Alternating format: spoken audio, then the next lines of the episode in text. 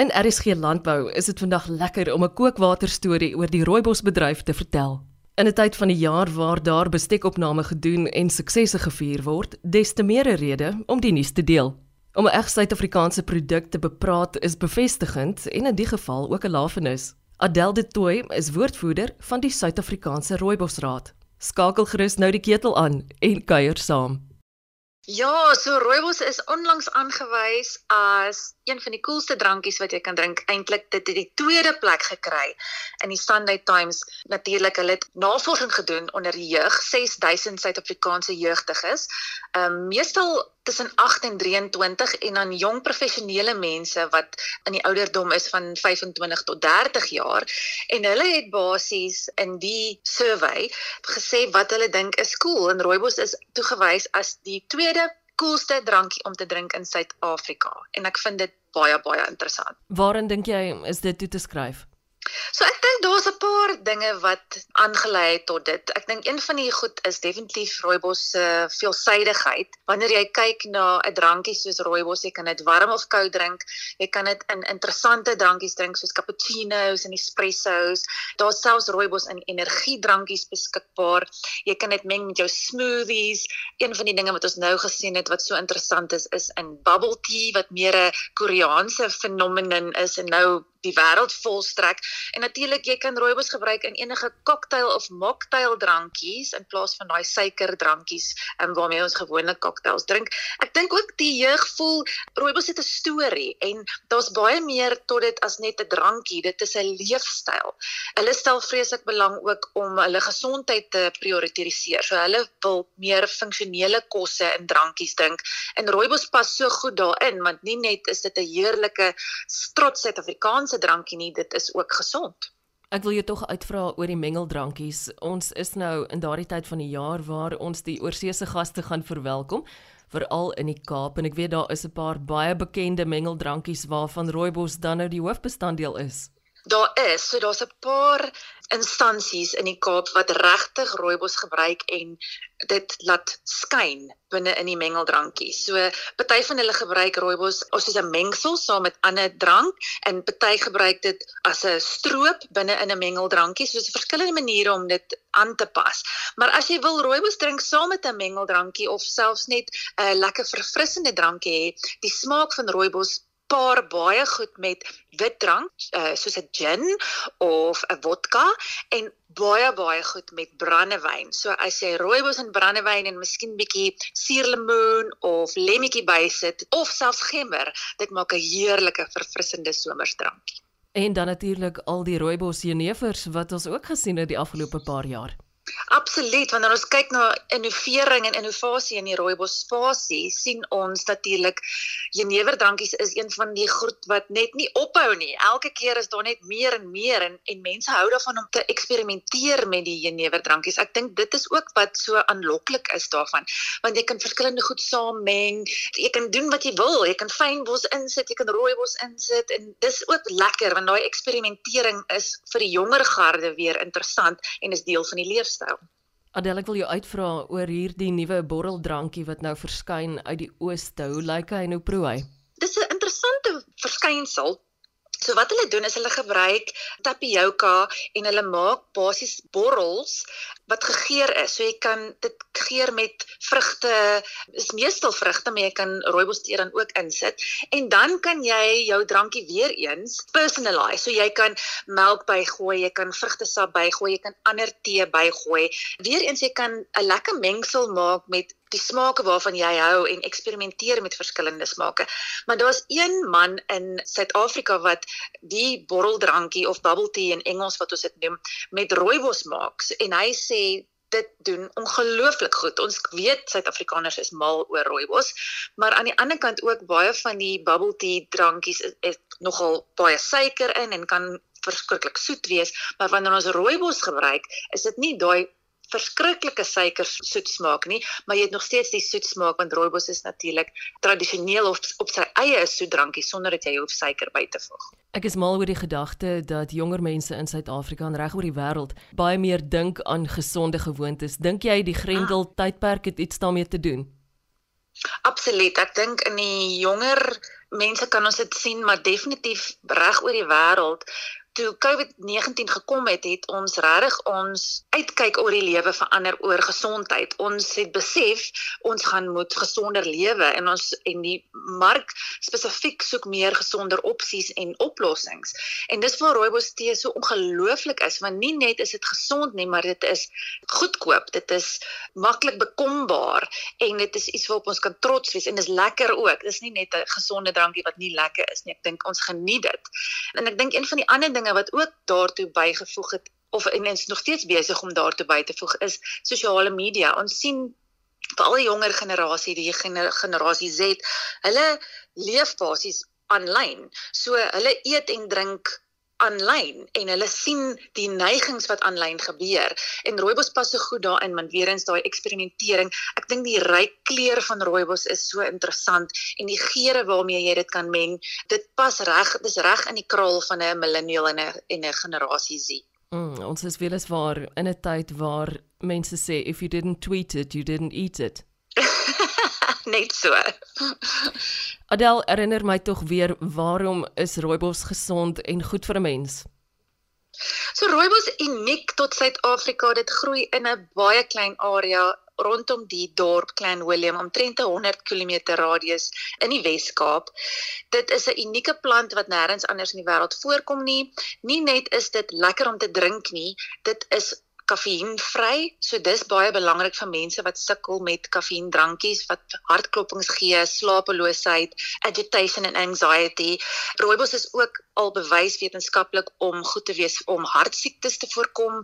Diabetes 2 is een van die dinge waarvoor rooibos uitstekend is en vir spanning en stres. Ons weet spanning is een van die dinge wat ons basies nie gaan voorkan tot sien sê in die nabye toekoms nie. Ons lewe sulke besige lewens en spanning nie net omdat ons dit nou het nie, maar as jy vir 'n lang tyd blootgestel is aan spanning, kan dit jou gesondheid aantas en rooibos help om spanning of die effekte van spanning te beperk. As rooibos dan nou onlangs aangewys is as die tweede gewildste warm drankie onder jong mense in Suid-Afrika, wat was dan die top 3? So interessant genoeg, die top 1 is 'n Starbucks koffie wat mense kan verstaan. Starbucks is het nog 'n groot inspraak gemaak in Suid-Afrika en dan die derde een is Nescafe. Maar wat vir my die heel interessantste is, Eloise, is dat die rooibos is die enigste gewone drankie in die top 10. Die ander is almal gekoppel aan 'n handelsmerk. Wat vir my regtig interessant is, want dit sê vir my dat die jeug sien rooibos as sy eie handelsmerk amper en die ander is meestal internasionaal. So hy is die enigste plaaslike handelsmerk in koppeltekens wat in die top 10 is. In Junie 2021, bietjie meer as 'n jaar gelede, is rooibos aangewys as 'n protected designation of origin deur die Europese Unie. En wat dit basies beteken is, uh, rooibos word nou gesien as dieselfde soos champagne en port en camembert kaas. En wat dit beteken is die Europese Unie erken rooibos as uniek tot Suid-Afrika, maar dis nie net die rooibos nie, dis ook die area in die ligging waarin die plant groei en die gemeenskappe waarin die rooibos geoes en geboer word. Die Europese Unie regtig die uniekheid van rooibos erken en wil bewaar. Adel, kom ons praat oor die produsente. Hoe gaan dit met rooibosboere in Suid-Afrika? Dit gaan goed. Natuurlik soos enige natuurlike produk het seisonale effekte natuurlike uh, invloed op boerdery, maar hulle is gewoond aan dit en jy weet ons vat dit soos wat dit kom. So dit lyk baie goed. Uitvoere lyk goed. So op hierdie stadium is ons baie gelukkig en dit gaan goed in die industrie. So gemiddeld jaarliks produseer ons omtrent so 14000 ton rooibos.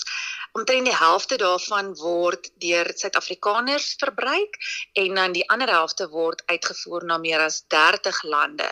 En die top 3 uitvoerlande sal wees Japan, dan is dit Duitsland en dan Nederland. En die drie lande maak omtrent so 65% van die totale uitvoere op vir rooibos tee.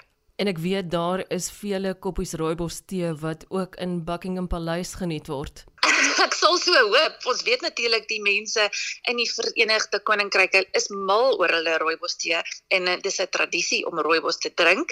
Nie net rooibos nie, maar gewone tee ook. So die Verenigde Koninkryk definitief in die top 5 uitvoerlande vir rooibos. Ons het onlangs 'n nuwe wêreldrekord gesien hier in Suid-Afrika waar 'n vrou 294 koppies tee gemaak het in die bestek van 60 minute. ek was stom geslaan toe ek dit gesien het en ek is absoluut mal daaroor dat sy rooibos gebruik het om die rekord te blaas. So ek is regtig, ek is dit was so 'n lekker voel goed storie vir daai dag. Ek dink ek die hele dag geglimlag oor die storie. Love it. Adel, al hierdie goeie nuus rondom rooibos in Suid-Afrika, dink jy dit gaan 'n rede wees waarom ons in die volgende 12 maande meer nuwe toetreders ook gaan sien? Ek dink beslis so. Nie net is rooibos toeganklik nie. Ek dink die innovering in die rooibosfasie, ons het nog net die tipie van die ysberg gesien. Wanneer ons kyk na hoe rooibos op verskillende maniere toegepas kan word, nie net in kos en drank nie, maar in ander maniere soos in skoonheidsprodukte. Ons gebruik rooibos om wyn te preserveer. Daar's baie besighede wat dit doen. Rooibos word ook in meer gesondheidsprodukte ingesluit soos gesondheidskapsules en gesondheidsdrankies. So ek dink ons gaan nog klomp innovering sien in die spasie waar rooibos is en ek dink omdat dit so uniek is, gaan ons nog baie te doen hê met rooibos en en interessante ander produkte wat met rooibos te doen het. Waar sien ons rooibos in kos? So rooibos is uitstekend om mee te kook en te bak. So jy kan rooibos toepas in beide soet en sout geregte. So vir soet geregte natuurlik dink ons dadelik nagereg, melktert, jy kan rooibos actually in enige gebakte dis vervang waar daar water of selfs melk is as jy um, sensitief is vir melk. So enige bakproses baie lekker. En dan wanneer ons kyk na soutgeregte, dan is rooibos uitstekend wanneer jy dit gebruik in breedies saam met vleis. Rooibos help net eintlik om vleis te versag, so as jy harde vleissnitte het wat lank moet kook, is dit 'n fantastiese bytoevoeging tot curries breedies, daai tipe lekker winters gemakskos en dan natuurlik ander kosse ook. So jy kan rooibos toepas in soetgeregte. Jy kan in plaas van om jou groente te kook in gewone water kan jy dit in rooibos tee kook as jy wil, net om 'n bietjie van daai ekstra antioksidante te kry. So verskriklik veelsidig. Natuurlik het ons geklaar gepraat oor die mengeldrankies en dis iets wat ek definitief gaan uitprobeer hierdie somer die huidige situasie in Oos-Europa affekteer dit enigstens ons rooibos in en uitvoere? Ja, dit doen. Daar's uitdagings by die porte, veral met uitvoere en ons sien dit wêreldwyd. Ons sien ook met invoere van ander produkte, nie net rooibos nie, maar invoere is dit is is nogal 'n uitdaging. So die verskeping wêreldwyd is nogal 'n probleem en natuurlik wanneer ons kyk na brandstofpryse ensovoorts, dit beïnvloed enige industrie, nie net die rooibos industrie nie. So dis definitief dinge wat ons gaan na moet kyk. Um, dit lyk nou bietjie beter, maar in die toekoms ons het nou nie 'n kristalbal nie ons weet nie wat gaan gebeur nie. Adel, wat is jou raad aan voornemende en gevestigde rooibosboere? Ek sal sê doen dit. Boer met rooibos, dit is redelik eenvoudig. Die proses is maklik om te bestuur. Wanneer ons kyk na werkskepping in die omgewing, is dit goed.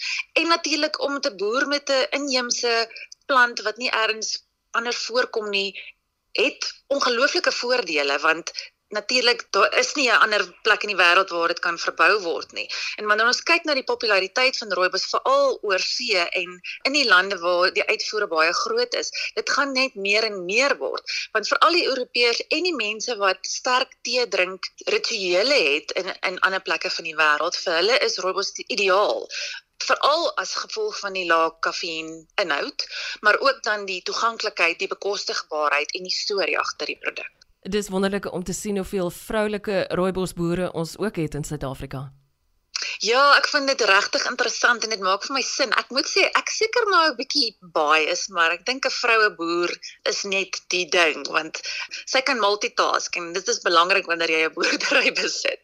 Woordvoerder van die Suid-Afrikaanse Rooibosraad, Adelle de Tooy landbounuus wat beslis my koppie tee is en ek hoop joune ook. Daar is nog vele stories van inspirasie en boeremoed wat ek nog voor die einde van die jaar met jou gaan deel en dis 'n wonderlike vooruitsig. Ek is Eloise Pretorius en ek groet jou tot volgende keer.